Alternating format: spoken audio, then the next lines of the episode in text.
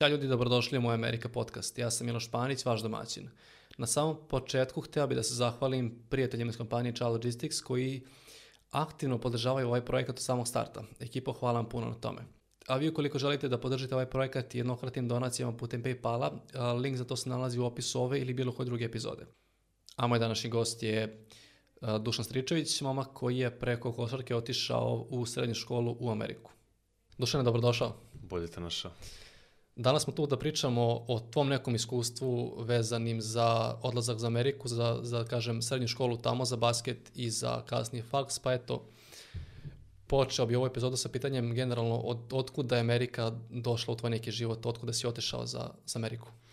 Pa scenar je bio ovako, bio sam, a, imao sam nekih 15 godina i to leto sam otišao u Beograd na probu sa Megavizurom i sad sam otišao u Beograd, to mi je bilo ono prvi dodir sa nekim većim klubom i sad je dolazim tamo, Mega Factory, ogroman, Jokićevi posteri na zidu, gigantski.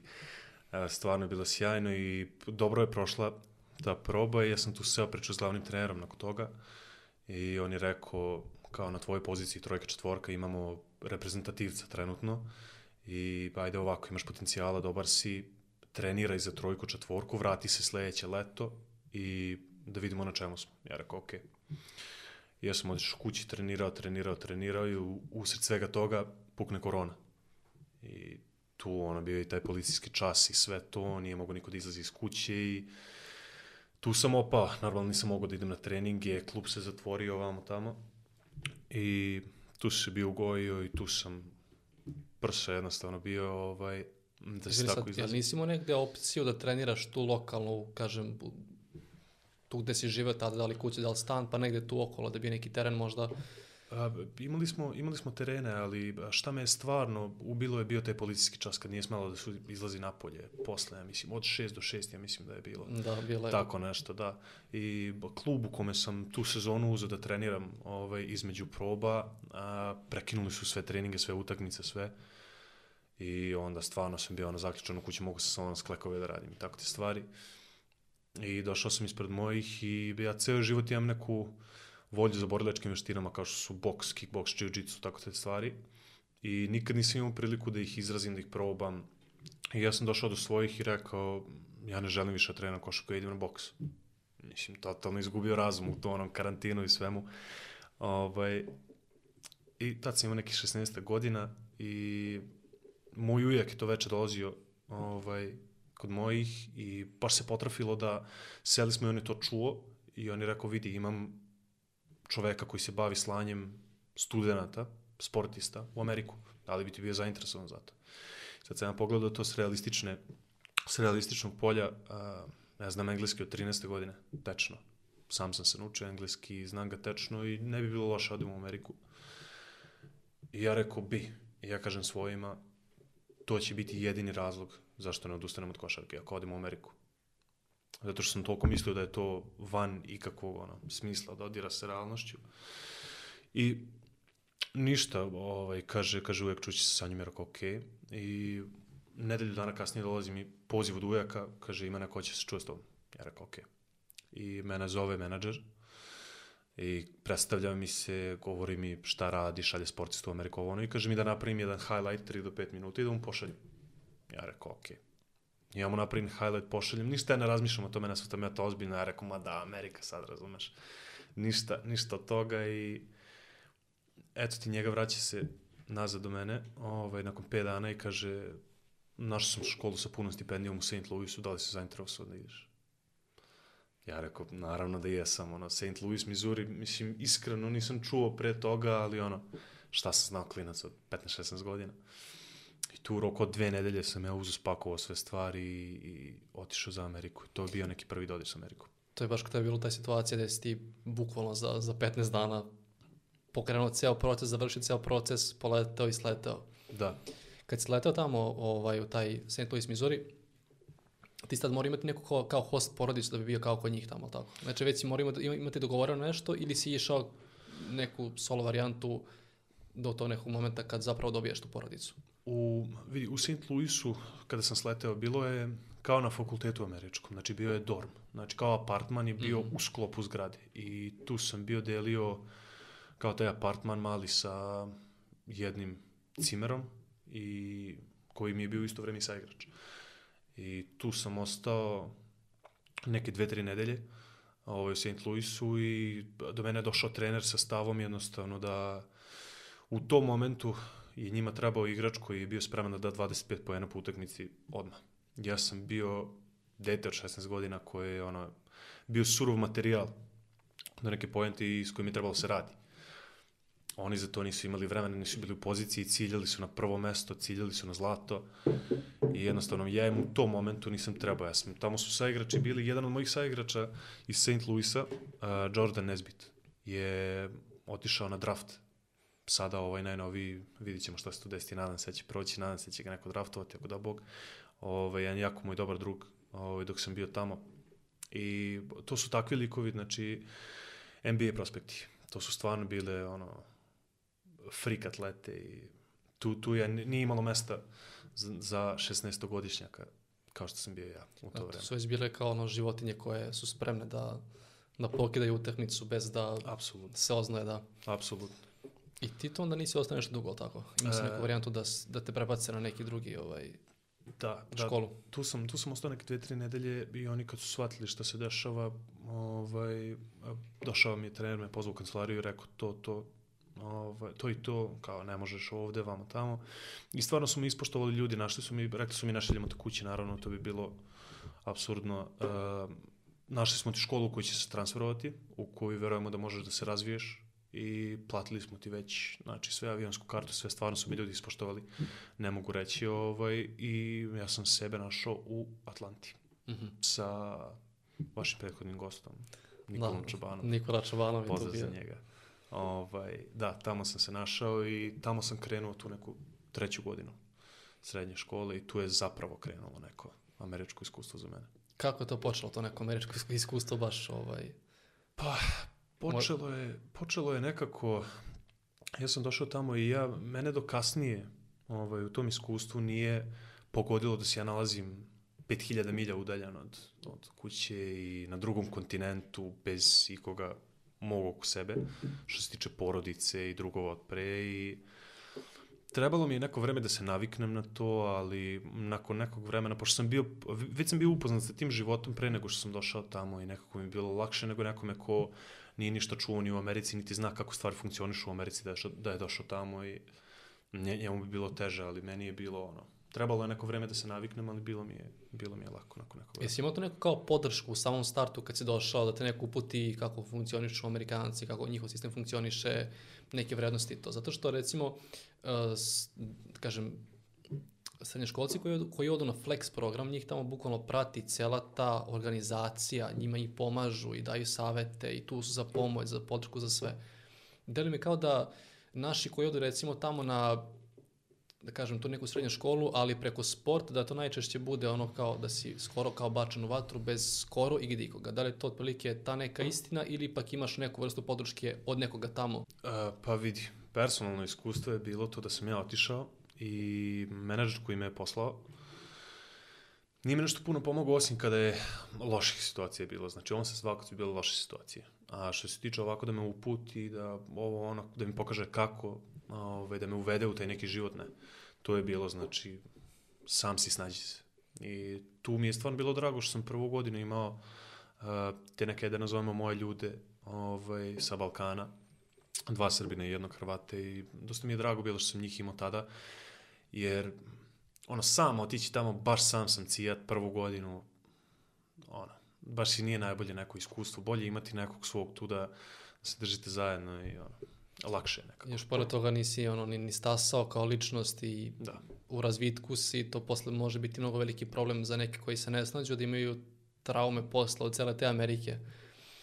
Reci mi, ti si onda morao da dob- dobiješ neku kao host porodicu ili si još uvijek bio, neko, ili si još uvijek bio u nekom domu? A, tu, tu već kad sam došao u Atlantu sam dobio host porodicu i iskreno prva host porodica koju sam dobio baš i nisam imao toliko sreće.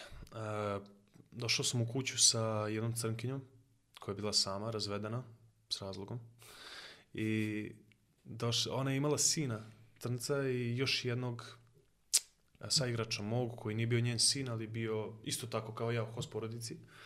I on je bio španac, crnac isto. Ja sam bio jedini belac u toj kući. I to se je videlo. Tako stvari su se videli. Stvarno, bile su neka maltretiranja, ono, i bili su neki... Bilo ono što ja mrzim, dupli standardi. Znači, Španac je mogao da ostavlja haos iza sebe, da mu soba bude u haosu, da ne sluša ništa, se zabode u sobu ceo dan. Meni je ono, za jedan papir na podu je bilo ono, dranje na mene, zašto to, kako to, ovo, ono, tako da dupli standard i ono, dosta, dosta nekog rasizma i ono, drugog tretmana nego na koji sam navikao. A misliš da taj rasizam bio kao zato što si belac zato, ili zato što si iz Evrope? To jest belac iz Evrope? Pogotovo, da kažem, sa Balkana. A, rekao bi većinom zato što sam bio belac.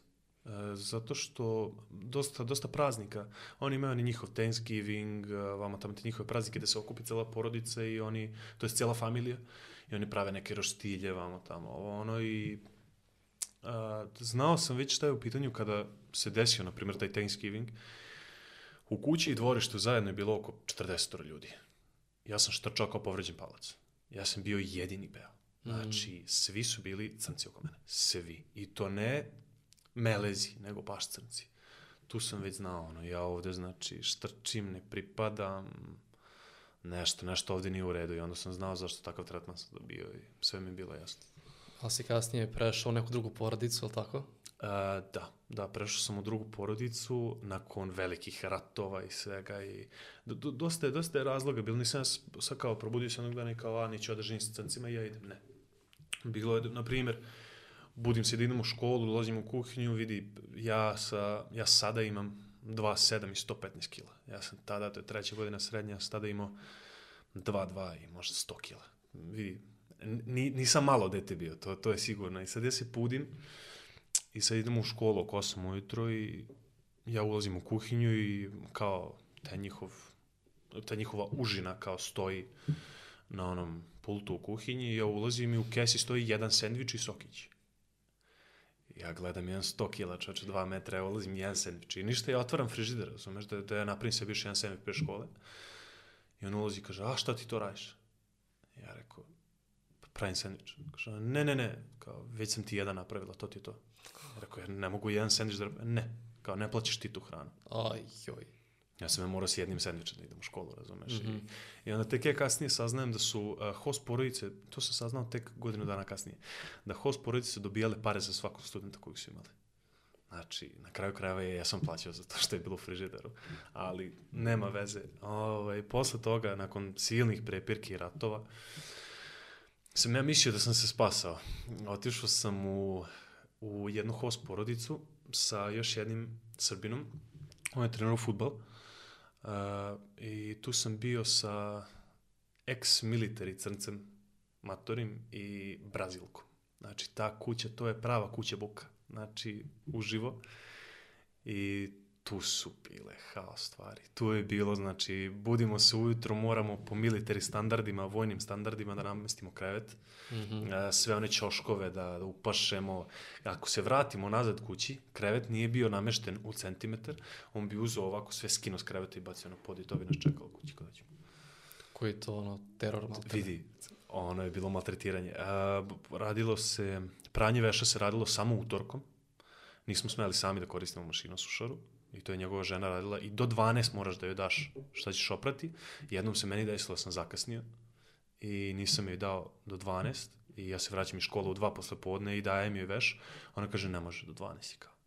I ceo je rat taj dan bio i ja sam na kraju morao, hvala Bogu, imao sam dobrog trenera koji me je pokupio i odveo me na jedno od onih mesta gde se ubacio onaj novčić, znaš da opereš stvari. Da, kao laundry onaj. Da, i tu sam morao da čekam jedno sat, sat i po vremena mi se to opere i osuši. Samo zato što ona iz principa nije htela da da. Ono, to mi se čudno kako sad uh, takav tip porodice da dobije ovaj, neko dete da, da ga čuva zapravo. Ako oni, mislim, realno, da kažem da nisu bili neće reći sposobni, ali nisu bili realno spremni za to. To je bukvalno teror, da tebe neko ucenjuje s nekim vremenom moraš doneti do 12 da se to spremi, da mm -hmm. spremaš te krevete ili koji god drugi teror da je bio u toku ovaj, tog tvog boravka tamo. Prosto se zapitaš kao kako sad oni mogu da dobiju, da kažem, da im se poveri neko dete na čuvanje, da živiš sa njima? Pa čist manjak hosporovica. To je jedini razlog. Zato što ne aplicira dosta ljudi da budu host porodice, posebno u toj školi u kojoj je bilo oko 100 ljudi. Ukupno i nemaš ti tu puno porodica i ne želi svaka porodica da dovede dete od 16-17 godina koje pucaju hormoni pubertet vamo tamo u, iz, iz Evrope, s drugog kontinenta, ne znaju ni odakle, ni šta je, ni kako je, da ga naslepo dovedu u kuću i ono, da on živi s njima, to ne privlači dosta ljudi, koliko god pare u pitanju. Pa ima i toga, ali opet se kažem, iako ne ako, ako nema gde, da, gde da te ubace neku, kažem, kvalifikovanu porodicu za tako nešto, kao bolje da te ne ubace nigde.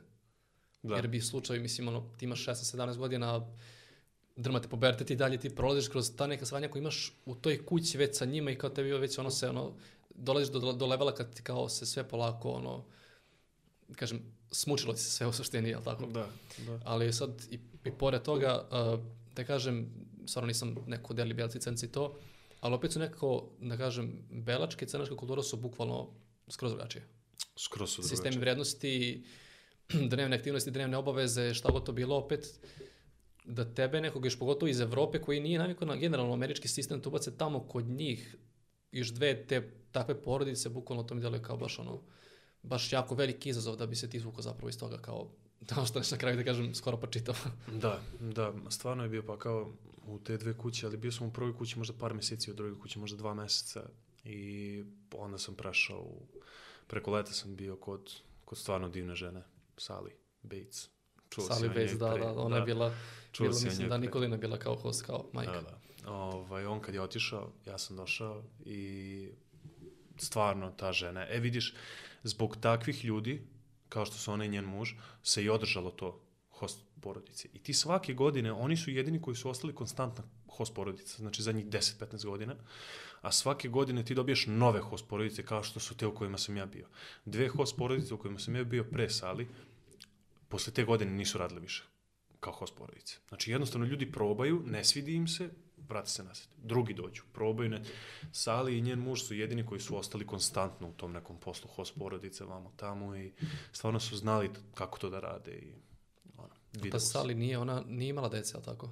Imala je, imala, imala je, dvoje da, dece. Da. Dvoje dece. Uh, jedno, jedan je bio dečko možda 2600, 5. 6. Mm -hmm. Sad je u srednjoj školi, a drugi je bio stariji 90. možda 8. 9. Tako da dvoje dece imala, da. A situacija u školi, ovaj, kako si se pri, privikao na sistem škol, američkog, američkog školstva, da kažem tako? Kako si se snašao uopšte u tome, da kažem, dolaziš odavde gde se mora znati sve i svašta da bi dobio dva, a ne pet, neku veću ocenu, dolaziš tamo u sistem gde ti je ono kao 2 plus 2 kao evo ti kao. A, apsolutno, apsolutno. A, vidi, nije uopšte bio problem ovaj, adaptirati se tamo a, školski što se tiče toga, jer stvarno, stvarno je na nekom niskom nivou. Stvari koje oni uče u četvrtoj godini srednje škole, mi smo učili u osmom razredu. Znači, od matematike do hemije, do svega. Tako da stvarno nekome kad ode odavde u Ameriku, stvarno je lak školski sistem, ne predstavlja nikakav problem. Poprilično lak, da. da. To sam čuo, recimo, isto bio neki drugar ovaj, koji je išao nešto, neko, ima, ima neku varijantu kao srednju, da ide u Kanadu, da li se njegovi ćale ili porodice su rešili kao papire neke, pa je išao tamo da li dve, tri godine, pa se na kraju vratio u Srbiju. No on je nama onda pričao u srednjoj školi kao kad se vratio, kao kako zapravo oni tamo rade kao neke jednostavne stvari, kao u, ne znam, treći, četvrte godini srednje, kao ono što rade, malte ne treći, četvrti osnov, osnovne, oni tamo rade u srednjoj tek mi kao tad nismo mogli da verujemo da je to zapravo tako, dok evo, kad sam počeo ovaj podcast, pa sam poslušao tako neke američke priče, gde svi bukvalno potvrđuju to isto, da, da je kao taj njihov školski sistem zapravo toliko pojednostavljen i da kažem, nije, nije toliko opširan recimo kao kod nas.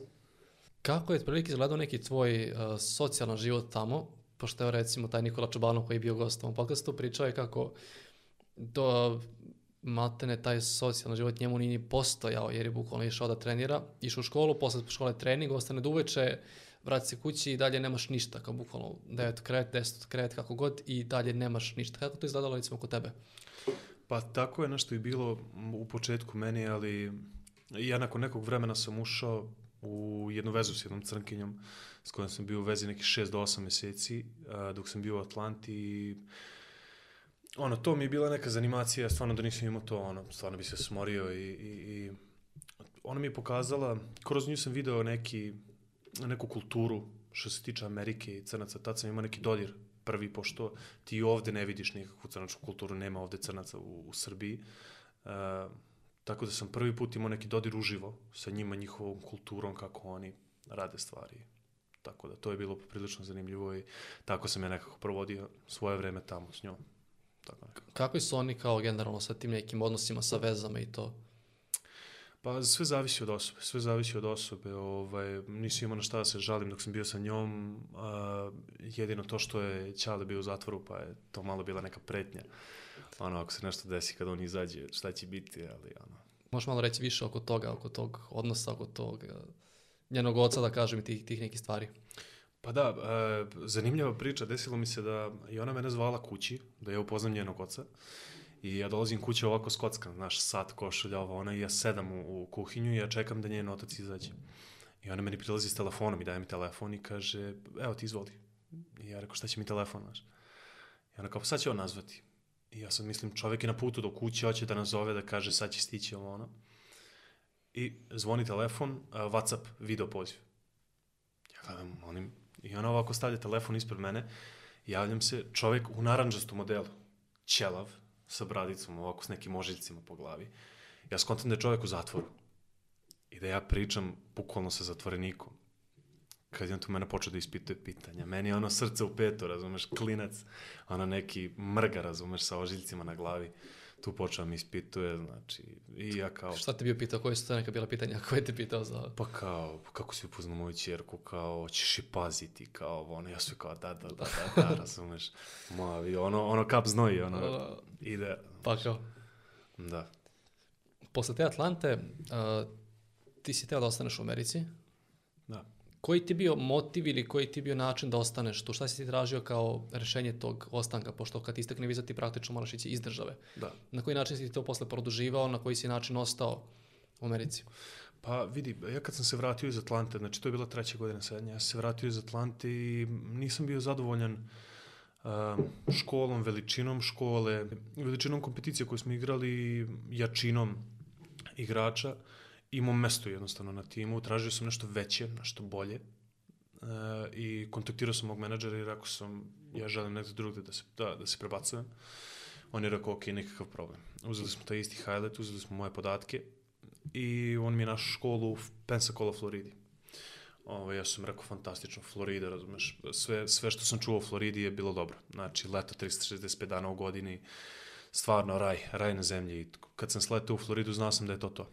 I tako sam, tako sam preko, preko te škole, bukvalno sam uzeo samo papire, otišao u ambasadu i samo produžio vizu. Čim su videli da imam neku instituciju iza mene, znači neku papirologiju, odmah su mi propustili, samo produžili vizu. Ali ja sam morao da radim a, na godinu dana vize. Znači godinu dana za Atlantu, godinu dana za Floridu i godinu dana dalje. Znači ja nisam imao odjedno. Tako da. Ali tu si dobio tu stipendiju, tako za... Da, puno stipendiju. Ja ništa nisam platio ovaj, u, u Floridi ni dinara i stvarno su me tamo tretirali kao ono, belog medveda i to ništa mi nije falilo. Znači to, život u Floridi ovaj, koji sam ja živio tih godinu dana je stvarno bio neki raj na zemlji kao iz onog high school movija kad vidiš sa onim ledermenima, onim jaknama, koleđicama i ono, uh, futbalske utakmice, onaj američki futbal i pla, ovaj, plaže, žurke na plaži, kućne žurke, auta.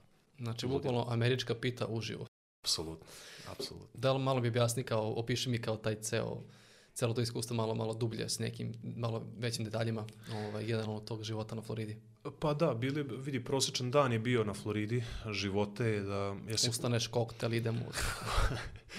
ustanem, to je, to je za kasnije sad. Ustajem, uh, odem u školu, vratim se kući, uradim što imam za školu, odem na trening, odradim trening, vratim se kući i gledam kako ću provedem ostatak dana. Znači, od četiri do kad ne zaspem je bilo ili plaža, ili neka žurka, ili neki car meet, ili negde sam išao uvek. Jednostavno, neka drugačija kultura i drugačiji su ljudi nastrojeni kada je nekako opušteno sve u vazduhu, razumeš, nekako bilo je leto konstantno, pa imam osjećaj da je to pripomoglo tome, ali nekako je uvek neka opuštencija za jebancija, razumeš, i ljudi znaju stvarno kako se provedu na Floridi i stvarno je bilo svačega. Si, kaže, posjećivo si te neke kao kar mitove. Da. Kako ti izgleda zapravo na uživa kad dođeš tamo? Pa vidi, a, kar mitovi su koliko toliko nekako ilegalni, kad pogledaš tako. Znači, ne, ne, sme, ne sme toliko auta se okuplja, ne sme da radi se to što se radi, oni se trkaju tamo, driftuju vamo tamo.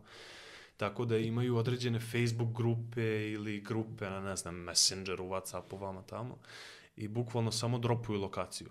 Ne znam, kod McDonald'sa, ono iza Walmarta, razumeš, mm -hmm. i u roku od 30 minuta svi se nađu tu.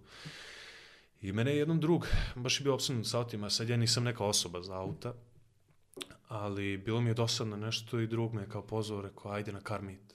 Ja rekao, šta je to? Ma kao neka dobra kola dođu tu driftuju, malo bude muzike, malo se kuče ljudi sa autima, razumeš? Ja rekao, ajde, šta imam izgubiti? I ja odem tamo i kad sam došao tamo, ono je bilo, ono nije normalno bilo. Ono su bili auti od po 200-300 hiljada eura, znači you. neverovatne mašine od auta, dizajni, boje, svetla. Ima neki auto, uh, Dodge Challenger, uh, i otvoriš mu haubu, on unutra ima V8, motor, uh, Playboy, nacrtan po njemu, ljubičasta svetla, vama to vidi perverzija od auta, stvarno. I to je, to je, to je bilo nevjerovatno. Znači kao neki Need for Speed uh, Absolutno. verzija sa, sa, kažem, Fast and Furious. Apsolutno, Fast and Furious Florida Edition. Uh, za to vreme uh, ti igraš aktivno basket, košarku.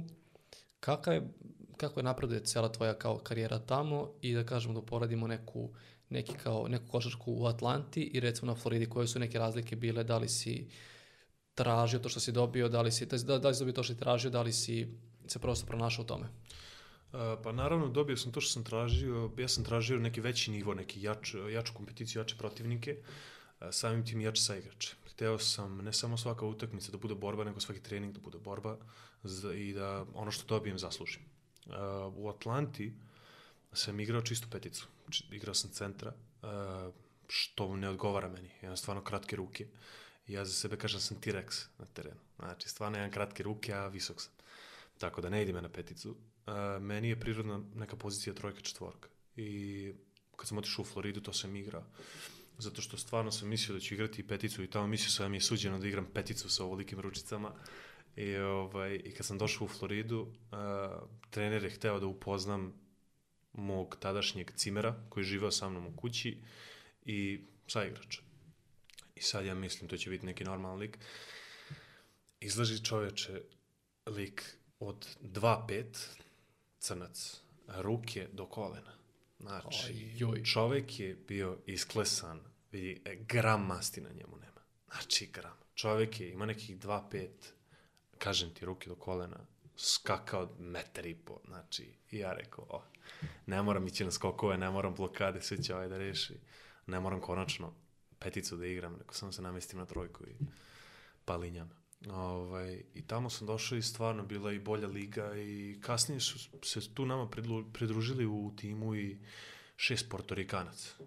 Portorikanaca koji uopšte nisu pričali engleski i s kojima je došao njihov trener koji je trebao da bude, ovo je nevjerovatna priča, trebao je da bude a, taj njihov prevodilac. Ispostavilo se da taj trener ne priča engleski. I onda je došlo do njih sedmoro koji ne pričaju engleski niko, ali su oni igrali s nama. Neki zajednički jezik nam je bio košarka. Ne znam, na taj neki način. Nakon nekog vremena su oni naučili engleski, ono, prilagodili se tu i tamo, ali to je bilo tako. I, i ispunio sam tu želju koju sam hteo da, da se prebacim negde jače i to je bilo fantastično. Imao sam fantastično leto, ovo, ispunjeno trenizima individualnim i došao sam tamo spreman i pre početka sezone ovaj, sam bio spreman i pod punim treningom i mislio sam već sad ovo da pokidam, bila mi je četvrta godina srednje, sad ću da dobijem ponude za fakultet i bit će sve sjajno. Međutim, a, neke dve nedelje pre početka sezone, a, ja i drug smo, on imao onaj pick-up truck, mm -hmm. kao kombi mali, i imao otvoren gepek. I kako se zove, ja sam ušao na taj kao otvoren gepek, stao na to, nešto sam se ja glupirao, on je išao kao napred, nije mi dao da uđem, napred, nije mi dao da uđem i, i on ode napred i ja se zaletim, popnem se nazad. Kako su meni noge stale na, nazad na gepek, on je mislio da su to moje ruke, da su se uhvatio sa strane. I on je krenuo i mene je ona vrata od gepeka pokosila po nogama i ja sam bukvalno po asfaltu, dam, dam, dam, dam, dam. I tu sam se stvarno izbubao. Hvala Bogu, milo me da ovaj, nisam imao nikakve ni prelome, nisam morao ništa da zašivam, ali stvarno sam bio izgruvan ono je neverovatno bilo i imam i ožiljke i dan danas, evo i ovde i tu po glavi. Ovaj, ali to me je stavilo bukvalno na klupu mesec dana. I jednostavno tako, ja sam sad bio u zavojima, tako nešto da se desi dve nedelje pre početka sezone, nisam mogao da treniram, nisam mogao ništa, onda sam se ja polako vraćao. Vratio sam se ja na startnu poziciju, sve to bilo ok, ali baš je bio dugi i bolan oporavak što se tiče toga. Pored basketa, već kad si u Americi gde gde je sport maltene obavezan za većinu škola, srednjih škola, fakulteta i to, ovaj, si probaš da igraš tamo neki sport, pored košarke? Uh, jesam, jesam. Zanimljiva priča o tome. Bio je američki futbal. Ovaj, nije bio u trećoj godini srednje, zato što nismo imali dovoljno ljudi kad, sam, kad smo bili u Atlanti, ali kad sam došao na Floridu, to je u Floridi, to je u Floridi ovaj, nevjerovatan sport i stvarno širok sport. Ovaj, poznat, svaka škola ga igra i mi smo to igrali kao škola i pre te nesreće što mi se desila sa, sa tim kamionetom, ovaj, ja sam hteo da probam američki futbol. Tu su bile raznorazne prepirke da ću se ja povrediti, trener mi nije dao, ti, trener mi nije dao vamo tamo i konačno nagovorim ja nekako trenera da ja to probam. Naš koncept američkog futbola u Srbiji ne postoji. Znači, kod nas to pokažeš neko misli da je ragbi. Znači, jednostavno nema ni klub, ni tim, ni ništa ovde. I onda ja dolazim tamo, nekako mi je spektakularno sve, gledam one skacigama kako se ona lupaju krljaju tamo, krljaju apsolutno. I ovaj, dolazim tamo i izrazim svoju želju da hoću da treniram to. I ništa kaže, ok, dođi ovaj, u ponedeljak. Ja dolazim u ponedeljak, sve onako, i oni mi daju one, one pads, ja ogromno izgledam u onome, i daju mi kacigu, a prvi put kacigu u životu stavljam. I igrom slučaja izađem na teren i ide mi dobro. U životu loptu nisam, u, u životu kacigu nisam stavio. Ide mi dobro. Valjda od ruku kako sam vato košarkašku loptu ceo život ti smanjiš, ti smanjiš loptu na ovoliku Aj, i sad ja trebam da je uvatim, razumeš? Nikakav problem. I ja se idem tamo i na kraju treninga oni rade neke akcije za utakmice. Ja naravno nisam deo tima, ja sam tu došao samo da isprobam. I ja stanem sa strane. I ovaj trener američkog futbola kaže ovima uradite neku akciju i ovaj ode okolo oko tog bloka i ispadne mu lopta. I ovaj zove mene, kaže, Dušane, dođi vam. Ja dolazim, kaže, stani tu, trči ovako napred i skrene levo, naglo i uvoti loptu. Kažem, okej. Okay. Ja trčim levo i lopta direkt u ruke. Znači, kao od Boga poslata. I ja je uvatim direkt, kad je on počeo se dere na njih sram da vas bude, da li ste vi normalni? Čovek trenira američki futbal dva sata i uvati loptu koju vi ne možete ceo život trenirati, ne možete da uvati. Ja onako stojim sa strane, sve mi ih žao, razumeš, oni me gledaju popreko, razumeš, rekao, sad će me izlomiti. Tako da to, to, to je bilo neko iskustvo s sportom. Nisam, nisam do duše stigao ni jednu utakmicu da igram, pošto je to bio neki proces zdravstvenih pregleda, papirologije, vam tamo samo da bi igrao. I imali su možda dve, tri utakmice ovaj, do kraja. Iako su hteli, ovaj, meni je trener došao američkog futbala i rekao kao, igra ove dve utakmice za nas. Kao, ja sam rekao, nemam kopački.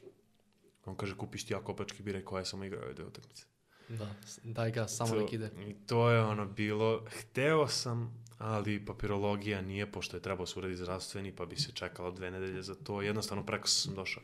Ali to mi je jedna od stvari koja, ono, želeo bi da sam to stigao ranije da ispunim, ali nažalost nisu. Je li ti bolje košarka ili, ili to? Šta ti deluje onako zanimljivi sport? Šta, šta bi ti recimo sad da možeš da biraš šta bi igrao ta dva? A pa vidi, verovatno američki futbol. Zato što košarka je nekako, ja sam dobar u košarci, sve to stoji. Bolji sam hiljadu puta nego u američkom futbolu, sve to stoji. Ali košarka, nekako naviko sam na košarku. Američki futbol je neki koncept koji u životu nikad nisam ni video, ni isprobao. Tako da ne znam, zanimljivo mi, zanimljivo mi izgleda stavim onu kacigu i sad ti ideš, krljaš se sa nekim, ono, rušiš ljude. Još tamo su onako nagruvani, ono, jaki kao bikovi, još ono, da, te da. kacige, one za ramena, one zebancije, dresovi, oni, kad krenu se krlji tamo po terenu, trče, šute lopte, da. One variacije onih njihovih kao postavke, ovako, onako, pa baci loptu iza, pa... Mada to ja to nikad nisam, bar evo do sad nisam uhvatio razliku ragbija i to kao američkog futbala meni to kao deluje kao slično ili skoro identično. Pa ima tu nekih razlika u pravilu, ali ragbi jednostavno, ragbi su ludaci, razumeš, to, to po meni ludaci, ti ljudi idu sa majicom i šorcom na ljude, razumeš, od, A tako se igra? 130 kila. Da, da, da, u ragbiju nemaš, nemaš zaštitu, nemaš A, ništa. tu smo. Ti ljudi, ti ljudi po meni su psihopate, ti da se zaličeš u nekoj, jesi ti vidio na što liče oni ragbi, znači čoveč, oni imaju po 130 kila i 1,90 m, čoveče, se zaletim na nekog s loptom i Masa kao, put ubrzanje. apsolutno, to, to se lome kosti, a u američkom futbolu imaš i onaj kaciju i zaštitu i sve. A reci mi kako se igra tačno taj američki futbol? Znači ti imaš tu neku loptu i tebi cilj da, da tu loptu šutneš kroz onaj kao veliki njihov go, da kažem, kao na kraju, ili zakucaš loptu dole na teren. Šta, koja je fora tu? Kako se boduje ti kao uh, bodovi šutevi? Kako to već ide kod njih? Pa vidi, slagat ću te, pošto ne pratim u detalje taj sport, ali znam ta osnovna pravila. Znači, oni prave akcije da bukvalno lopta pređe njihovu touchdown liniju i da oni postignu touchdown. To je njihovo i onda na taj kick return ti bukvalno, da, kad smo već kod toga, ti imaš bukvalno ljude koji uđu u meč da bi šutnuli tu loptu u taj pravogonik i izađu napolje. Ti imaš ljude u NFL-u koji su plaćeni milioni i milioni dolara. Samo to rade cijelu sezonu. Znači on uđe, šut na loptu, pogodi izađe napolje. Ja sam to rekao da je najlakši sportski posao na svijetu. Nema, bo, vidi, šahista se više namoči, razumeš, u jednom meču nego on. Tako da, ne znam, to su mi neke sulude pare za takav posao, ali da, touchdown je njihov, njihov cilj, tu da urade. A šut kao kroz taj veliki obruč na kraju, šta je, šta je to? E, to im, je, mislim, daje dva poena ili tako nešto. A je li, je li tim cilj je da, da osvoji kao više pojena kao da cilja da baš šuta to ili cilja da da, da, da touchdown? Šta je? Touchdown, što više touchdowna, da. A, kao što, a to, to donosi jedan bod, taj touchdown. Ne znam stvarno. Stvarno ne znam. Sad to pitan ako ne znam, znam da, znam da sam vidio da neki baš trče kao ludaci, ne bili stigli na kraju, lupili loptu i kao to je to. Da. Ali opet znam da neki eto kako gledaju da šutnu, pa sad ne znam šta je, šta je više fora da se uradi, da li da šutneš kroz taj obruč ili kao taj njihov go ili da daš touchdown. Pa touchdown definitivno. Touchdown ja mislim da donosi više poena i siguran, Ma, sigurni. mislim, trebaš ti proći pored onih tamo, treba da trčiš sa tom loptom da te Ono krljaju. su, ono su životinja čoveče, ono su ljudi od po 140 kila. I, najgori su mi, najgori su mi oni crnci, kao, kao bikovi su. Znači, oni imaju po 140 kila, noge ko balerina. Znači, njemu noge idu ovako, vrate. Njemu su noge brze kao munja, a on ima 140 kila. I on, razumeš, diže iz čučnja, ono, 300 kila, razumeš, životinja neka i to kad te zakuca, razumeš, kad te poravni. Beži, bre. Ja sam, mene su htjeli, ja sam hteo kao, pošto sam ja to video, to su ti all linemen kao. I oni stoje u toj liniji i kada krene, oni baca loptu nazad i ti, oni se sudare, razumeš E, to, to, to, to. E, ja sam to mislio da ja mogu sad, ja kao neki mudanja dolazim, naš jak, kao.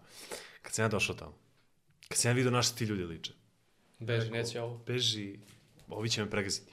I oni me stave na poziciju resivera, znači ja sam bukvalno trčao i ono, ja skočim ovoliki i uvatim loptu koja je visoko bačena. Eto, to je bio moj posao.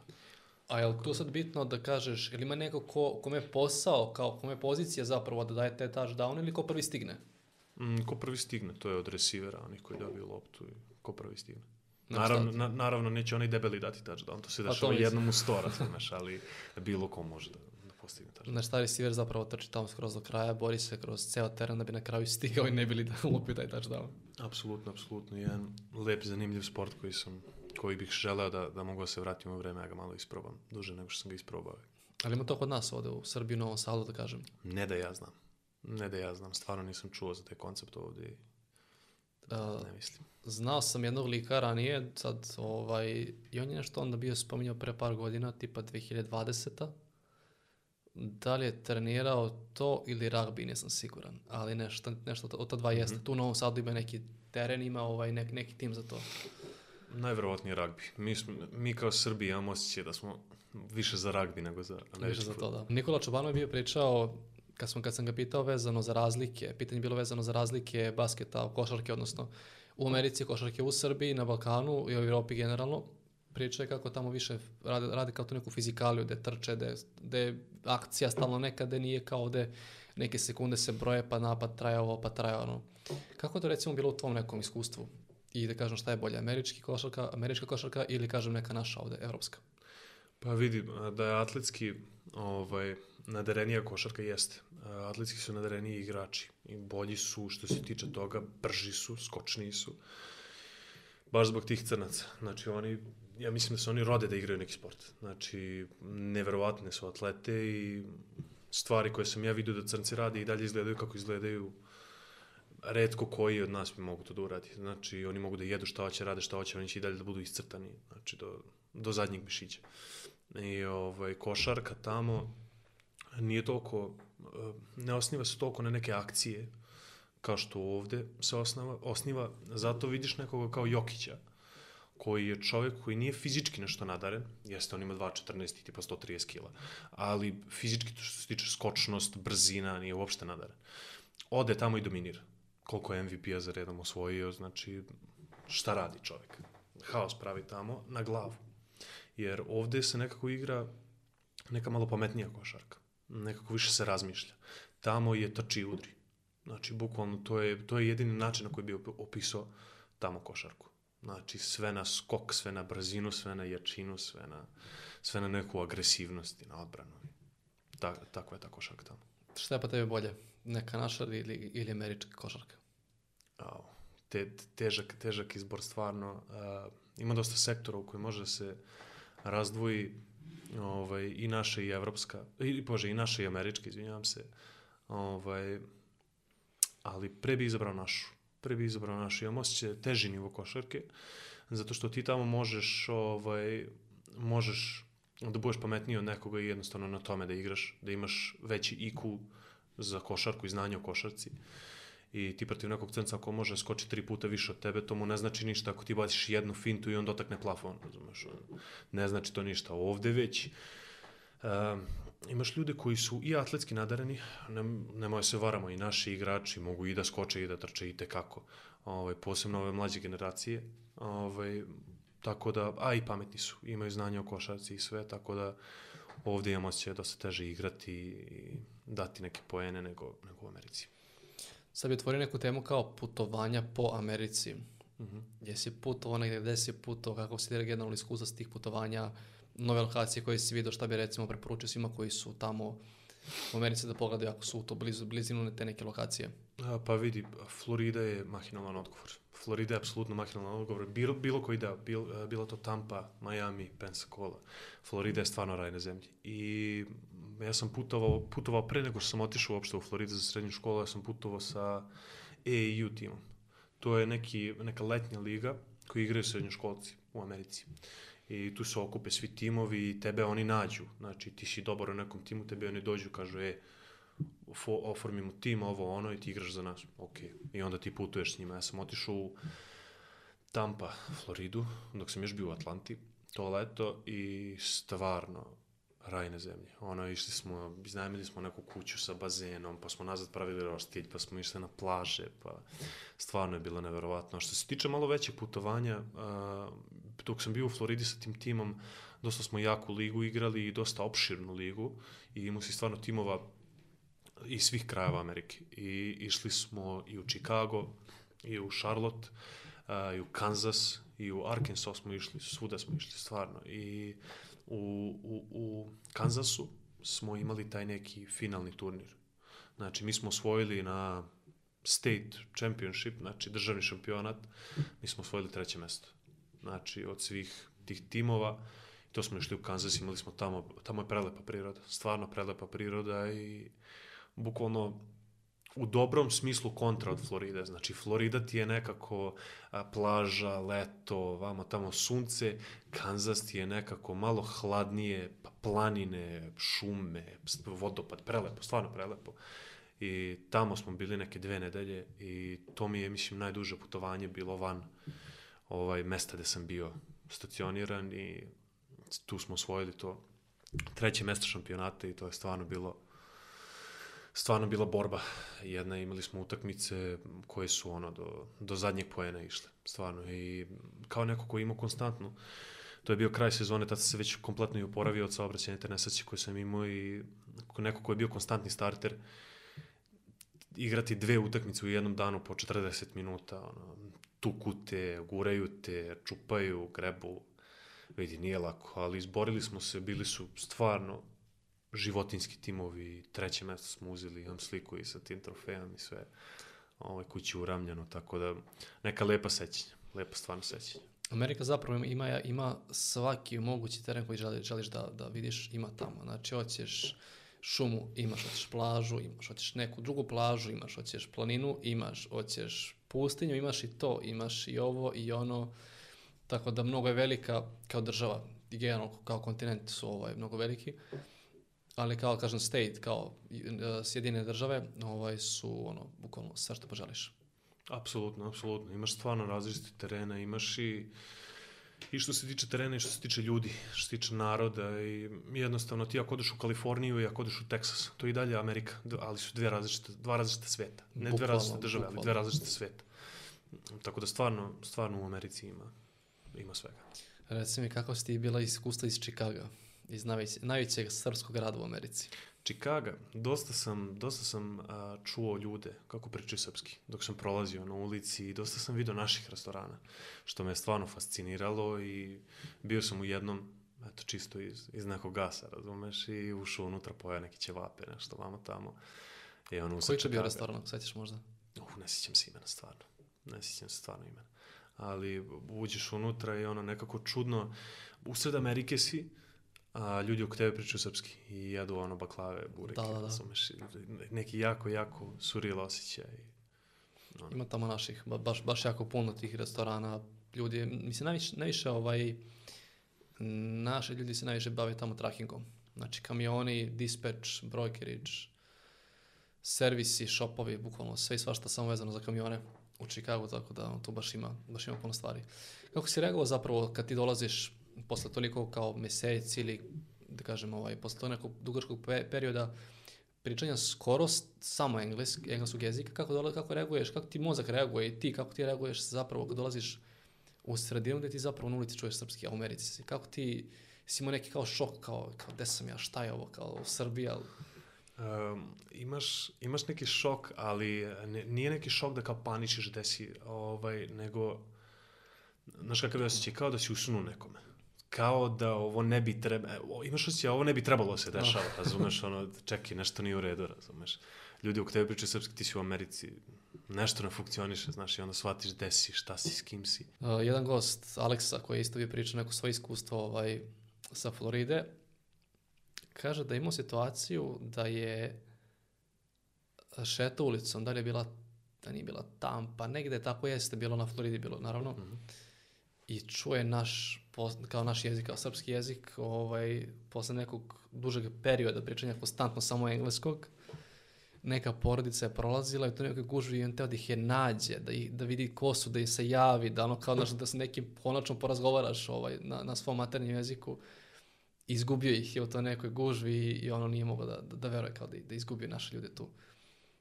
Ali ono, i posle kad je otišao u taj neki restoran, ovaj, kako se beše zvao, Rakija Lounge Bar, Mhm. Ovaj, tamo kad je otišao isto ono kao nije mogao da veruje kao da, da, da je tu, da ljudi pričaju naš jezik, kaže ono bukvalno za, zavalio se tamo kod konobara, razumeš, kao daj vrati priče malo s nama. Da. Ovo je za to. A jesi ti recimo bio u tom, tom Rakija Lounge baru? To bukvalno svi naši koji odu, odu tamo za Miami. Nisam, nisam. Ja sam bio u Pensacola, se nalazi u gornjem delu. Floride, Miami je skroz dole. Znači na drugom kraju skroz Pa mislim, ako si već putovao, pa da, da kažem, da ako si obilazio taj deo, pa da si možda svratio. Aha, nisam, nisam, nisam, nisam imao priliku, ovaj, ali što se tiče upoznavanja Srba slučajno, uh, van tog iskustva sa Čikagom, uh, bio sam, dok sam još bio u Floridi, igrali smo neku utakmicu uh, protiv nekog prep skula i otišli smo na njihov teren. Sad mi se zagrevamo i ja obraćam pažnju na protivnički igrače svaki put pre utakmice. Znači sve ih skeniram, analiziram šta rade, kako vola rade, sve još na zagrevanju. I tu sam vidio jednog lika koji mi nije izgledao kao Amerikanac. Znaš, nije mi nešto amerikanski izgledao. Ovaj, I mi prolazimo, ja sad prolazim, ono, daš koš, ideš do pola terena, vraćaš se nazad i tako krug zagrevanje linije. I prolazimo i jedan od portorikanaca pita njega kao, odakle si? I on kaže, Serbia. I ja gledam, je li moguće? I ja se vraćam, neko, če, če, če, odakle? Kažem, Srbija. Kaže, nisi i ti Srbije. Ja rekao, pa jesam. To je to. Vidi, to je automatski spoj. Znači, posle te utakmice, respekt, znači, najveći slikali se vamo tamo, bila krvava utakmica, šibali smo se kao majmuni, ali ovaj, tako i treba, to, to, to sam ih hteo, ovaj, i onda smo se slikali posle toga i ispričali se baš onako i taj kontakt ja im i dan danas Ovaj, pratimo se na Instagramu i tako da lijepo je poznati tako nekog svog slučajno neočekivano. To je bukvalno kad sretneš tamo naše, to je instant konekcija. Ne, Apsolutno. znači ni ja, ni B, ni, već se znate, već ste vi tu. Znaš, tako da... Ja sam imao situaciju kad sam bio na tom Work and Travel programu, bio sam da pravo veš neki sad tu. Ja sam, kažem, živio na 14. ulici, Laundry najbliži je bio na 8. ulici i tad sam naučio zapravo ko- koliko ti imaš vrednost ako ti je sve tu u blizini. Jer recimo sad, ako živiš tu smeštoj sa nekim, kažem sad tako, i ako imaš veš mašinu tu u stanu, znači uvijek može neko ko je bio tu od tvojih ne znam, zamoliš, zamoliš da ne znam, ubaci veš, da ga opere, da, znaš, samo da, da završi taj proces svega toga, da ti ne bi gubio vreme, jer ono ti bukvalno bilo ti ideš, pazi dok dođeš tamo, to ne znam, koliko bilo to, šest ulica, dok njih prođeš, te kao blokove male, dok ti njih prođeš, ono malte ne u Americi sve moraš kolima, a ideš peške, naravno, nemaš auto, nego ideš peške. Ideš kao nosiš ranac neki, nosiš neke džakove sa svojim, svojim stvarima. Dok, dok dođeš tamo, dok ubaciš one kao imaš... Uh, u tom laundriju je sve se plaćalo ti kao kvo, kvort, uh, kvoterima. Znači, kovanica 25 centi 25 centi, da. i mislim da je bio, bilo pranje veša 3 dolara, sušenje je bilo tipa 1, 1,5, 20 minuta fazon, a pranje je bilo mislim pola sata. Dok dođeš tamo, dok ti ako nemaš kovanice, dok ti njih zameniš, ubaciš veš, odabereš prašak, ovo ono, ti si tu već u startu izgubi sat i po vremena. A svi znamo koliko je zapravo vreme u Americi ono bitno da ti imaš, da stigneš sve što, što više stvari da stigneš ono za što kraće vremena. Generalno to je polako počelo da dolazi kod nas ovde, ali da kažem da najviše tamo kod njih to ovaj, izraženo. Ja dolazim tamo, mislim da je bilo neko veče, da li 6, 7, 8 posle podne uveče i ono još je bilo dan, vidi se sve lepo napolju, leto, razumeš.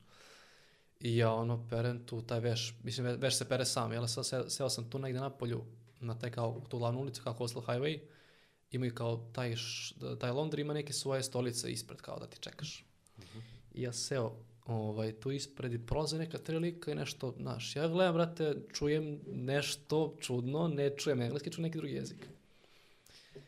I ono kao, pošto je, kontaš imaš tu dosta naših ljudi ovaj, na Work and Travel programu iz Srbije, iz Bosne, iz Hrvatske, iz Crne Gore, sve to naš jezik, svi, svi se mi razumemo. Ali ovi mi ne deluju da su, da, da su na Work and Travelu. Ja rekao, kao, odakle ste momci? Ono kao, e, pa mi ovo, mi smo inače, ne znam, iz Čikaga vozimo kamion, pa smo došli kao tu neki mali odmor, pa tu neka spika, tako da kad naši ljudi poznaš tamo, to je ono, momentalna konekcija i ono, nemaš ono kao, kao pa ja, ja sam taj, ja sam ovaj, pa se upoznaš, nema, to je momentalno, kao da se znate ceo život, bukvalno.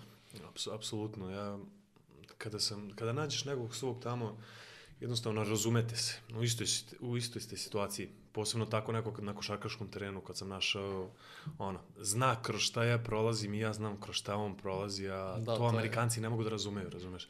To njima da, koliko sam puta pokušao da objasnim, da ti sa 16 godina sedneš na avion, nikad nisi leteo strani jezik, ti letiš čoveče dan i po.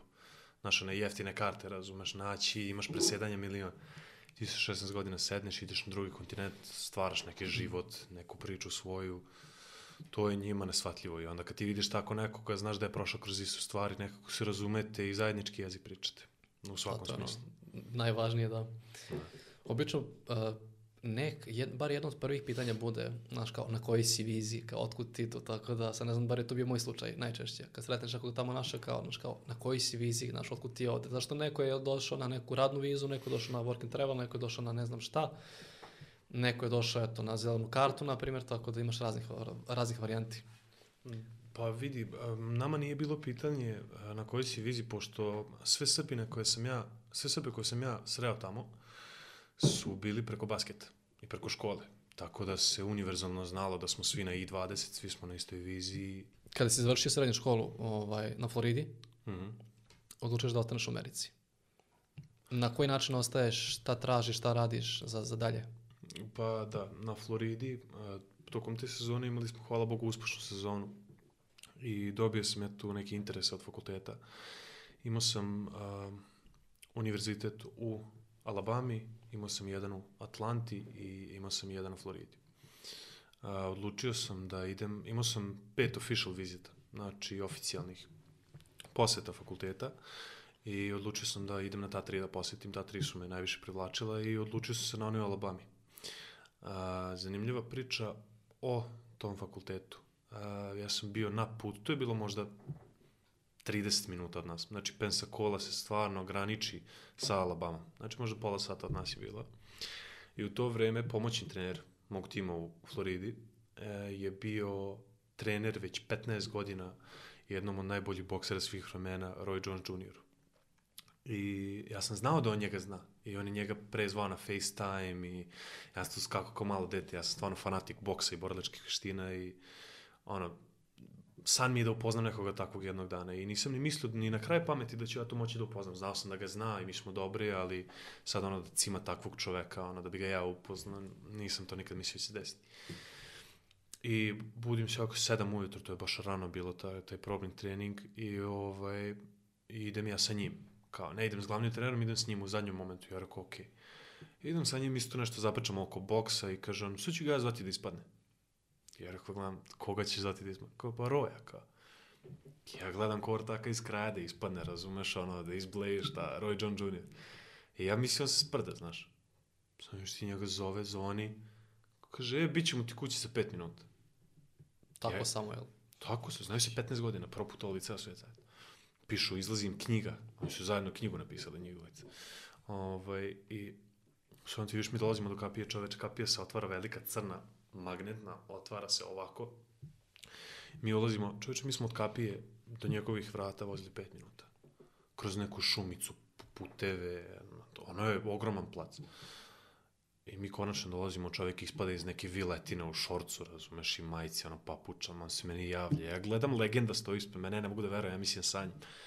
I ja tu pripremio već, razumeš, flomaster, rukavice, sve sam ja tu normalno. I ovaj, on mi je tu potpisao, sliku sam se sa njim i otišao sam kući. Ta rukavica, ovaj, jednu sam rukavicu zadržao, stoji mi i dalje u sobi, s njegovim potpisom okačena na zid, a drugu sam dao najboljem drugu, pošto je on isto obsednut oko, oko boksa, to mu je bio kao poklon za rođendan i ja mislim da sam dovoljno dobar poklon dao.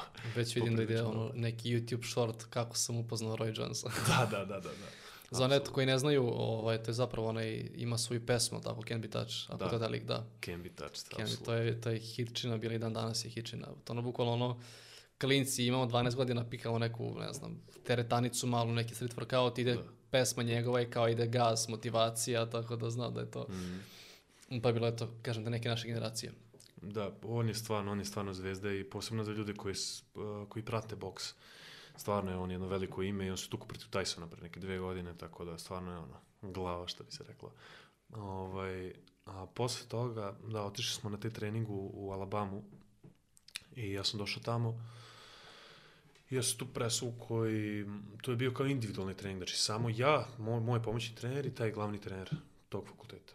I mi smo došli tamo i on mi je dao neke drillove da radim i ja sam to radio i hoće, hteo je da vidi kako, koja je moja performansa pod naporom, pod kondicijom, pod umorom.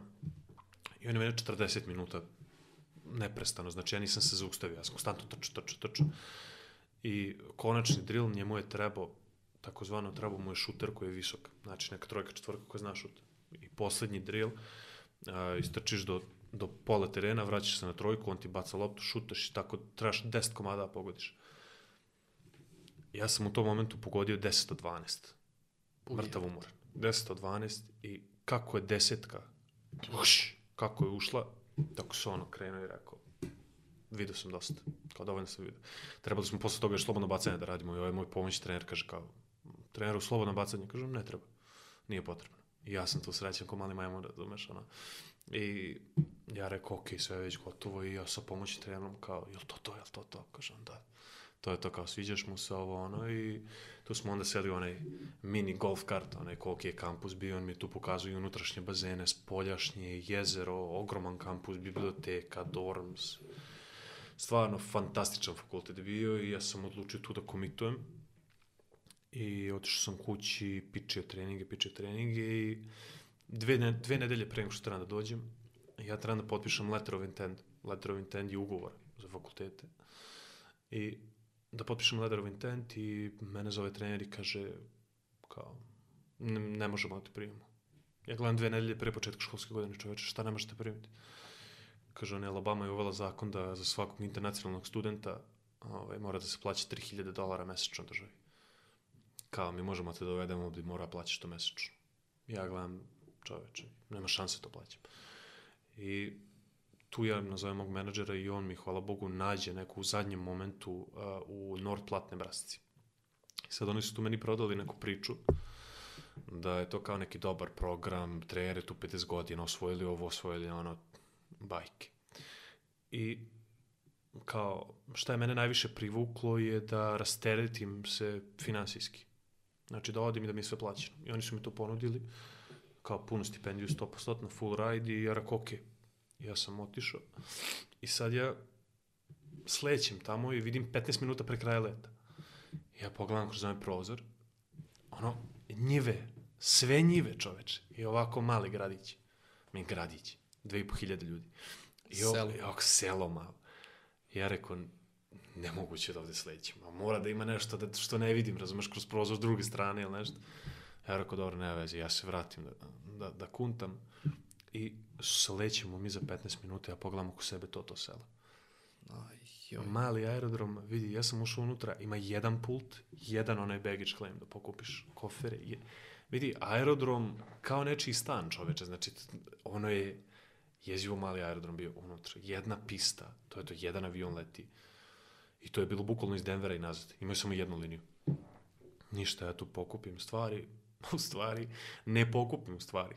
Pokupim uh, jednu bočicu koju mi je dala ta žena za pultom. Jer su moji koferi izgubljeni negde usput. Aj, joj, pa kao nastaje. Vidi. Moji koferi su izgubljeni negde usput. Ja sam imao flašicu bukvalno sa rasklopljivom četkicom za zube, pastom za zube, maramicama, sapunom, razumeš. I tak, tako sam ja došao tamo i stigo je meni kofer nakon neke dve, tri nedelje. Ali to je, Ovaj, mislim, Ja sam ne, ja sam došao tamo samo i otišao u Walmart, kupio te neke osnovne stvari, znači ono uh, brijač, majice, gaće, ono 5-6 komada i to sam koristio, razumeš, da 20-30 dolara i to je to. Hvala Bogu, pa u Walmartu možeš naći jeftine stvari. I ovaj dolazim ja tamo i dolazim oko negde 3 ujutru. Dolazim ja i sedam, ovaj, ležem u stvari da spavam, budim se ujutru, to je neka subota. I upoznajem se ja sa svima vama tamo i upoznajem se sa Srbima s kojim sam bio, upoznajem se sa Crnogorcem s kojim sam bio. I ništa, ja sedam tu subota, ništa, smorio se. Nedelja, ništa, smorio se. Ja se okrenem ovom jednom Srbinu, što je bio, ovaj, ja rekao, pa ti koliko si ti ovde već? Kažem, po nekih nedelju, nedelju dve. I ja rekao, brate, je uvek ovako dosadno?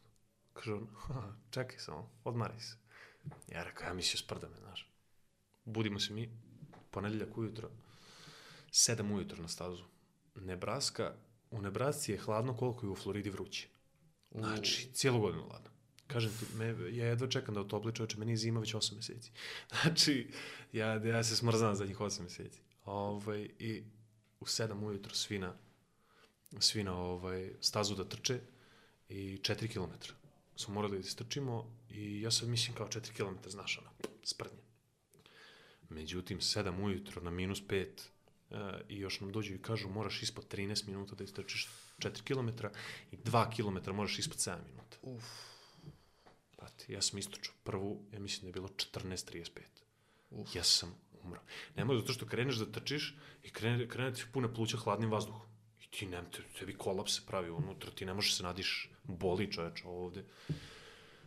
Posle toga odma unutra rastezanje časovi, posle časova trening, posle treninga teretana. Znači, ono je bilo jezivo, jezivo, stvarno. Kako su nas kondiciono ubili prvih meseci po dana, ali okej. To je bila neka priprema za sezonu. Ja bi ti bilo lakše da si imao neke normalne vremenske uslove, malo toplije da kažem. Ja sam čovjek, Trčiš na minus 5 napolje, na 14, ono, 13 minuta. naravno, ja sam čovjek koji obožava toplu, toplotu. Ja mrzim sneg i kišu, mrzim, prezirem stvarno i zato i kažem, Florida je negde gde sam se osjećao kao raj na zemlji, zato što je bilo toplo. Ja obožavam da je toplo. Vidi, napolju kad je, napolju kad je minus 30, ma ja ću uključiti grejalicu u sobi da mi bude toplo i hoditi u šorcu bez majice, razumeš, okolo. I, ono, jednostavno, neko sam ko obožava, obožava toplotu i mrzim zimu. Tako da to mi baš nije dobro palo, da, da sam otišao, što je stvarno uvijek bila zima. Ali pored toga, mali gradić u sredini ničega, najbliži grad Najbliži, najbliži grad je bio Denver i on je bio neka 4,5 sata udaljen auto. To je bio najbliži grad. Imaš i ti ta mala sela okolo, ali ta mala sela su bila manje nego ovo. Tako da ja ne znam gde, ono, gde bi išao. Ti ja ne znam stvarno što tako prave, ono, mala mesta nigde. To je kao možda zbog neke zemlje, ja kažem Nebraska, pa ravna, pa ravnica, jel da kažem, pa zemlja, pa opa, ono, te njive i to, ali opet, mislim, ko, živi tamo, kao rednici neki šta. Pa, ne znam, stvarno, to se, to se nevjerojatno pravi zbog poljoprivrede. Tamo žive ljudi koji drže zemljište tamo i... Izvinjam se, ovaj, koji drže zemljište tamo i jednostavno napravili su fakultet tamo da imaju ljude da se edukuju i stavili su aerodrom da mogu da lete iz Denvera u Denver i da ne moraju ljude da voze 4,5 sata, razumeš, ali i dalje nema za, za, za čoveka od 19-20 godina nema tamo puno raditi. Nema tamo stvarno. E, to je već, nemaš ni žurke, ni, ni, ni ljude, ni ništa. Ja sam došao iz nekog okruženja gde je bilo samo socijala, samo neka sprdnja, samo neka ono, pozitivna atmosfera, negde gde je tmurno, hladno, ljudi su hladni, nekako neprijateljski nastrojeni. Ne znam, nekako nisam se osjećao prijatno dok sam bio tamo, to je definitivno. Iš kao ti mladi, jedino što možda radiš tamo, oreš njive To ti kažem, posle škole to je to. to ti kažem. Kakav je bio basket, košarka, kako je to bilo izgledalo u, ne, u Nebrasci? A, košarka u Nebrasci je izgledala, pa vidim, a, ja imam osjećaj te trener i dosta ljudi bi se složilo sa mnom koji su bili pod tim trenerom. Imam osjećaj da on ima nešto protiv a, Evropljana. Znači, on ne radi scouting, znači on ne dovodi igrače, on samo a, opravdava da igrač, znači on potpisuje da igrač dobije stipendiju, a to gledanje filmova, traženje igrača, a, gledanje utakmica, kontaktiranje, prič, to sve radi pomoćni trener. I onda pomoćni trener dove, dovede igrača kojeg je ovaj nije proverio uopšte, ali ga je doneo, dove, doveo. I onda se on ne svidi njemu on onda njega uzme na zub. Razumeš, tako je radio, tako je to funkcionisalo i ja imam osjećaj da on ima nešto protiv evropskih igrača, jer bilo je dosta duplih standarda i bilo je dosta, ovaj, bilo je dosta dešavanja koje su mi to pokazale. Ovaj, na primjer, jedno dešavanje je bilo, uh, jedan crnac je počeo, moj cimer, počeo da krade dosta iz tog njihovog Walmarta. I on je ulazio bukvalno sa kolicima, napuni kolica svega, stavi kapuljač i izađe napolje. Pošto Walmart obezbeđenje je stvarno nula. I, ovaj, I to je radio neko vreme i to su svi ostali počeli da rade, došlo je do pojente da je pola tima kralo nešto. I jedan taj Srbin koji je bio sa mnom je bukvalno iz nekog gas, iz neke fore ovaj, uzeo i nije skenirao, znaš on je self-checkout, mm -hmm. nije skenirao bombone, one Haribo bombone, što su one 3 dolara možda. I izašao napolje, to prošlo i išli su četvorica ovaj, sa igrača naših i uhvate jednog idiota, stvarno idiot. Uhvate ga sa Pokemon karticama u džepu. Od svih stvari koje će mogu da ukrašiti su kod Pokemon kartice. Dobro, nebitno, uhvate ga. I trener je tu u tom selu već 50 godina. Tako da zna svačiju babu i tetku i unuka, razumeš? I ono odma na vlasnika Walmarta ovaj, i vratio je kamere mesec dana unazad. Sve ih je uhvatio. Sve ih je uhvatio i prvo je zvao tog Srbina našu kancelariju i ovaj, kad ga je pozvao, ja sad iščekujem da se on vrati nazad, vidim šta mu je rekao. Kad ga je pozvao, kad je on ušao u kancelariju, šta ti radiš, ja ću tebe da deportujem, da li si ti normalan, ima karijeru da ti uništim, šta si ti, lopov, da si došao ovde u Ameriku da kradeš, jeli, sram tebi. Vidi, ugrobario ga čovjek, znači nema šta mu nije rekao. Dolazi on nazad, skenjan, uplašen da će ga poslati kući, oko čega, oko Haribo bombona. Dobro. Odlaze tri crnca koje su napravili štetu, mi pričamo o hiljadama eura. Znači, stvarno hiljadama eura u roku od mesec dana. Odlaze oni u kancelariju, on je i počeo to sve. I, ovaj, i bio moj cimer i još dva crnca i oni su otišli i sad se ovaj vratio moj cimer nazad i rekao šta mi je rekao, kažem pa ništa. Rekao šta ništa, rekao Kako vam ništa? Nešto. Kako ništa, rekao vam je nešto. Ovaj, I on kaže, pa pitao je kao, ili imamo para, kao, da li nam naši šalju pare, kao, zašto to radimo, kao, da ako nam treba para, ona može naći posao i, ovaj, kao, jednostavno da ne radimo, to više nije to dobro po nas, kao, i to je to. Jer ako pa ja zvuču iznervirana, ne, ne, ne, zašto bi zvuču iznervirana?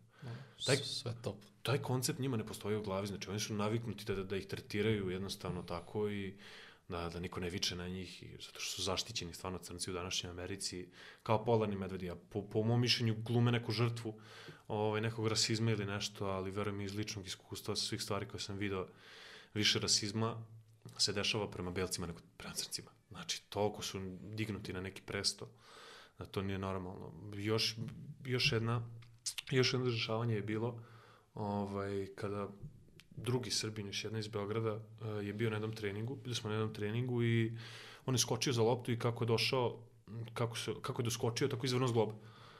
I sad, da li je tu njemu nešto napuklo, da li je tu nešto u šinu, to je nateklo dosta. Na, ovaj, ne znam šta se tačno desilo, ali bio dosta bolov. I on naravno pada dole, vata se za zglob, au, boli, boli. I sad ti misliš, trener će prići kao svaki normalni trener, pomoći mu, skloniti se vamo tamo. Trener mu prilazi, beži s terena, nemoj se ti vidio, beži, skloni mi se s terena. Ja gledam, ne mogu da verujem. Beži mi s terena, kao skloni se. I on je morao unazad ovako, znaš, pošto ne može nogama, Da se guruje, da. da se izgura s terena. On ga je otpratio kako se izgurao sa terena i umjesto da mu pomogne da ustane, on se okrenuo, samo ovako stao i nastavio da gleda trening. Ovaj iza njega umire od bolova, čoveče. Morao, morao fizioterapeut da izlazi iz kancelarije, da dolazi, on pomaže. Ovaj ispred njega stoji, ma vidi, neće ni da ga pogleda. Tako da to, je neki dupli standard, neko tretiranje naših tamo, ali sve zavisi od mesta do mesta. Kažem, u Floridi mene niko nije tretirao tako i stvarno ne mogu da se žalim, ali eto, najđeš na tako budale neke i, i onda, razumeš, ljudi pati.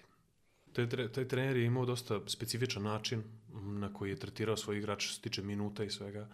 Ovaj, on je imao neki sistem, ali to je redko ko shvatio šta on radi. Drugi ljudi su mislili kao on razvija igrača. Nije. Sve ću ti objasniti šta je radio.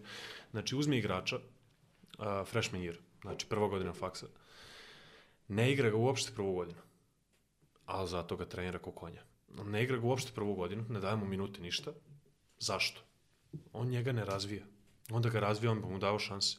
Ne razvija ga. Nego on ga drži na klupi, da on nakon tih godinu dana, naravno, s tog fakulteta je svako pokušao se prebaci nakon godinu dana. Ali zašto nije uspeo? Zašto su svi ostali? Zato što nemaš highlighte, nemaš filmova iz prve godine i onda ti odeš nekome, ti dođeš treneru, sedneš sa njim i kao će se prebaciti dobro da su ti highlighti iz prve godine, kao si igrao, jesam, pa gde su? Pa nema, pa zašto? Pa trener mi nije dao da igram. A to svi kažu, vidimo se. I ti onda ne možeš da se prebaciš nigde. I onda bi ih uzeo drugu godinu, bi igrao ih punih 40 minuta i on njih iskoristio šta ti uradiš nakon te druge godine, njega ne zanima. Ćao, ti si njemu dao svoje dve godine i ti onda radiš što hoćeš. A iz takve škole ne možeš nigde se prebaciš sve i nakon dve godine. Tako da, zajebane priče jako. I što bio- to je, bi- to je bio pitanje onaj kao junior, kao college, ali tako? To traje samo dve godine i onda Mhm. ti tu nemaš zapravo treći, četvrti, nego imaš kao da nastaviš dalje sa nečim novim. Da, to je bio junior college u pitanju i ja sam imao neki osjećaj da je junior college bolja opcija bila u, u, mislim najbolja opcija bila u tom momentu jer nije mi izlazio nikakav dobar univerzitet, zato što kao što sam rekao dve nedelje sam imao da nađem fakultet i izvinjavam se, ovaj, da nađem fakultet i bila mi je to jedina opcija i četvorogodišnji fakultet me nije nešto privlačio, ovaj, zato što ti ako završiš dve godine junior college, ti možeš nakon dve godine da staneš i da kažeš, e, šta ću sad? Hoću da se zaposlim, hoću da imam profesionalno da igram ili hoću da nastavljam. A sa četiri godine univerzitetom ti nakon dve godine ne možeš to da uradiš. Ili završavaš sve četiri godine ili ne završavaš uopšte. Ti ako, ti ako završiš tri godine i, i deset meseci, tebi je isto kod da nikad nisi ni išao. Znači ti ako ne završiš cijelo, nemaš ništa od toga, apsolutno. Ti zapravo nisi završio. Završio kao dao si tu prvu godinu Da, i nakon toga se vratio u Srbiju. da. A, Šta su bili razlozi povratka u Srbiju i zapravo zbog čega nisi nastavio dalje sa tim studiranjem? A, ja sam predao prvi semestar tamo, tako da a, sve, da, da ja poželim da se vratim, sve tamo stoji. Znači, bukvalno sam pauzirao i mogu da se vratim. Ali jednostavno, od sedme godine života trenam košarku i nisam nešto video u sebe u tom nekom profesionalnom svetlu da ja to radim. Previše mi je neki taj put imao rizika i jednostavno kada, kada si profesionalni atlet, kada si sportista, tebi karijera može da se završi u sekundi. I ti nakon cijele te karijere, ja sebe nisam vidio u nekim milionima. Znači, to bi bile neke fine pare dok primanja dolaze. Kada ta primanja se zaustave, ti si opet na nuli.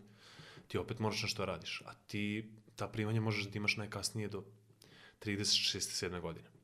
Tako da nisam, nisam sebe baš, hteo sam da naučim neke nove stvari, hteo sam da naučim stabilne načine za zarađivanje novca i tako neke stvari. I znači druga opcija mi je bila da završiti fakultet i da se zaposlim u Americi. U Americi stvarno mogu da se naprave dobre pare i to mi je bila kao druga opcija. Onda sam se seo i pogledao uh, da ja u Americi ostanem. Čekaj, ja bi se zaposlio. Da, dobro. To znači da trebam da živim tamo. Jeste. A čekaj, to znači da trebam da tražim ženu tamo. Pa da. Pa to znači da treba dete da mi živi tamo. Pa da. Ja da odrastam. Ma ne, u stvari moje dete da mi odrasta u Americi. Ne. Da mi vidi babu i dedu, njegov da vidi moje roditelje jednom u životu, da mi priča ono, nabadanje srpsko, ono, da, da mi odrasta u, u onakvoj državi koja onako izgleda sada, a Bog zna kako će izgledati za 10-15 godina kad ja budem bio spreman da imam dete ili tako nešto. Dete da mi odrasta u takvoj državi ne pada mi na pamet. Razumeš da gleda sve, sve nakaze koje se tamo kreću i stvari koje su normalizovane, koje u Srbiji neće biti normalizovane ni za 30 godina. Tako da radije bi da mi dete odrasta u nekom pravoslavnom, pravoslavnom okruženju srpskom nego u Americi, iskreno. Tako da sam dao sebi nekih godinu dana prostora, vratio sam se, stavio sam na pauzu, hoću da isprobam neke stvari koje nikad nisam imao priliku da isprobam, kao što su, na primjer, borilačke veštine koje sam spomenuo i to hoću da isprobam da vidim kako je jednostavno da pronađem sebe malo, da napravim neku pauzu od košarke i, i nekog tog pritiska, pa ako odlučim da se vratim, to mogu da uradim kad god želim. Evo za kraj ove epizode, Teo bi da mi kažeš neku tvoju komparaciju, da kažem, Amerike i Srbije, šta valja tamo, šta ne valja ovde i neki, ako možda mi opišeš neki hibridni režim života, da kažem. Uzmeš najbolje iz ovoga, najbolje, najbolje iz onoga i spojiš u ta dva. To jest, ta dva spojiš u jedno. Pa vidi, to bi bio neki život sa dobrom finansijskom situacijom, to bi iz Amerike izdvojio, tamo stvarno ima dosta, ima dosta prilike, ima dosta načina da se naprave pare, jer a, što se tiče, što se tiče online i biznisa i svega, Amerika je centar sveta. Što se tiče toga, engleski je svetski jezik. Ti stvarno iz Amerike možeš da uradiš bilo šta. Sa američkim papirima stvarno imaš dosta prilika ovaj, za budućnost i za sve. Tako da iz Amerike bi finansijsku situaciju izdvojio, iz Srbije bi izdvojio ljude mi smo nekako vrsta ljudi koje pripomogne nekom drugom, bez obzira na bilo šta. Amerikanci su ljudi koji gledaju same sebe. Amerikanci su sebični, znači njim, samo da je njima dobro. Njih ne interesuje šta je tebi, kako je tebi, da li tebi treba pomoć. Njima je dobro i njih boli uvo za sve ostalo. Naši ljudi su dosta drugačiji o tome. Tako da spojio bi ta dva, znači finansijski status i naše ljude, uh, i to bi malo šlag na tortu stavio neki, neki scenarij Floride. Da, da taj život izgleda kao na Floridi, da tu ima neka plaža, nešto, pošto mi nažalost nemamo otvor na more, a na Floridi je stvarno s morem bilo, bio raj.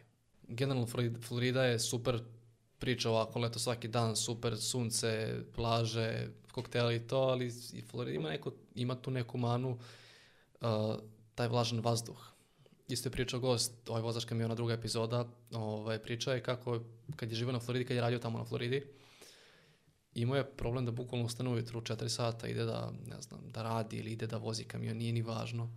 U 4 ujutru, kad ti očekuješ da ti imaš neki, neki onako kao malo sveži vazduh, zapravo ti bude isto kao i posle podne. Ta vlažnost, vaz, vlažnost vazduha bude kao svaki dan je praktično ista, cijel dan je ista.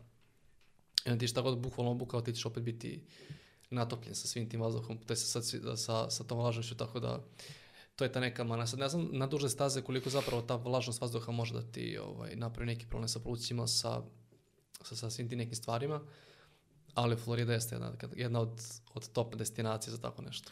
Pa vidi, ne znam za drugo, dugotrajne efekte, vrate, ali iskreno da ti kažem, kada sediš u džakuziju i gledaš zalazak sunca na more ispod palme i piješ koktel, ne brinete vlažnost vazduha, veruj mi, brate. To kaže ovamo, veruj taj gost iz druge epizode, Miloš Dobrata, kaže, Florida, sediš, sediš uh, ispod palme, piješ pivo, čekaš uskrs. Hvala što si bio gost moje Amerika podcasta. Bilo mi je zaista drago da pričam o nekom tvom iskustvu života u Americi kao srednjoškolca, kasnije kroz taj junior college, kroz Nebrasku, kroz Atlantu i to, tako da stvarno sam uživao. Hvala na tvojoj prilici, budem gost, drago mi je. A mi se vidimo u nekoj narednoj epizodi. Ćao.